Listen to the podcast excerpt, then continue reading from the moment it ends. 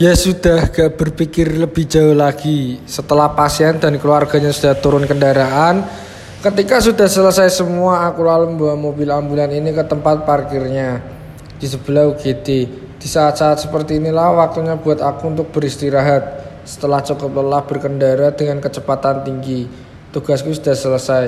Hanya bisa berharap kalau pasien yang tadi aku antar bisa diselamatkan dan sembuh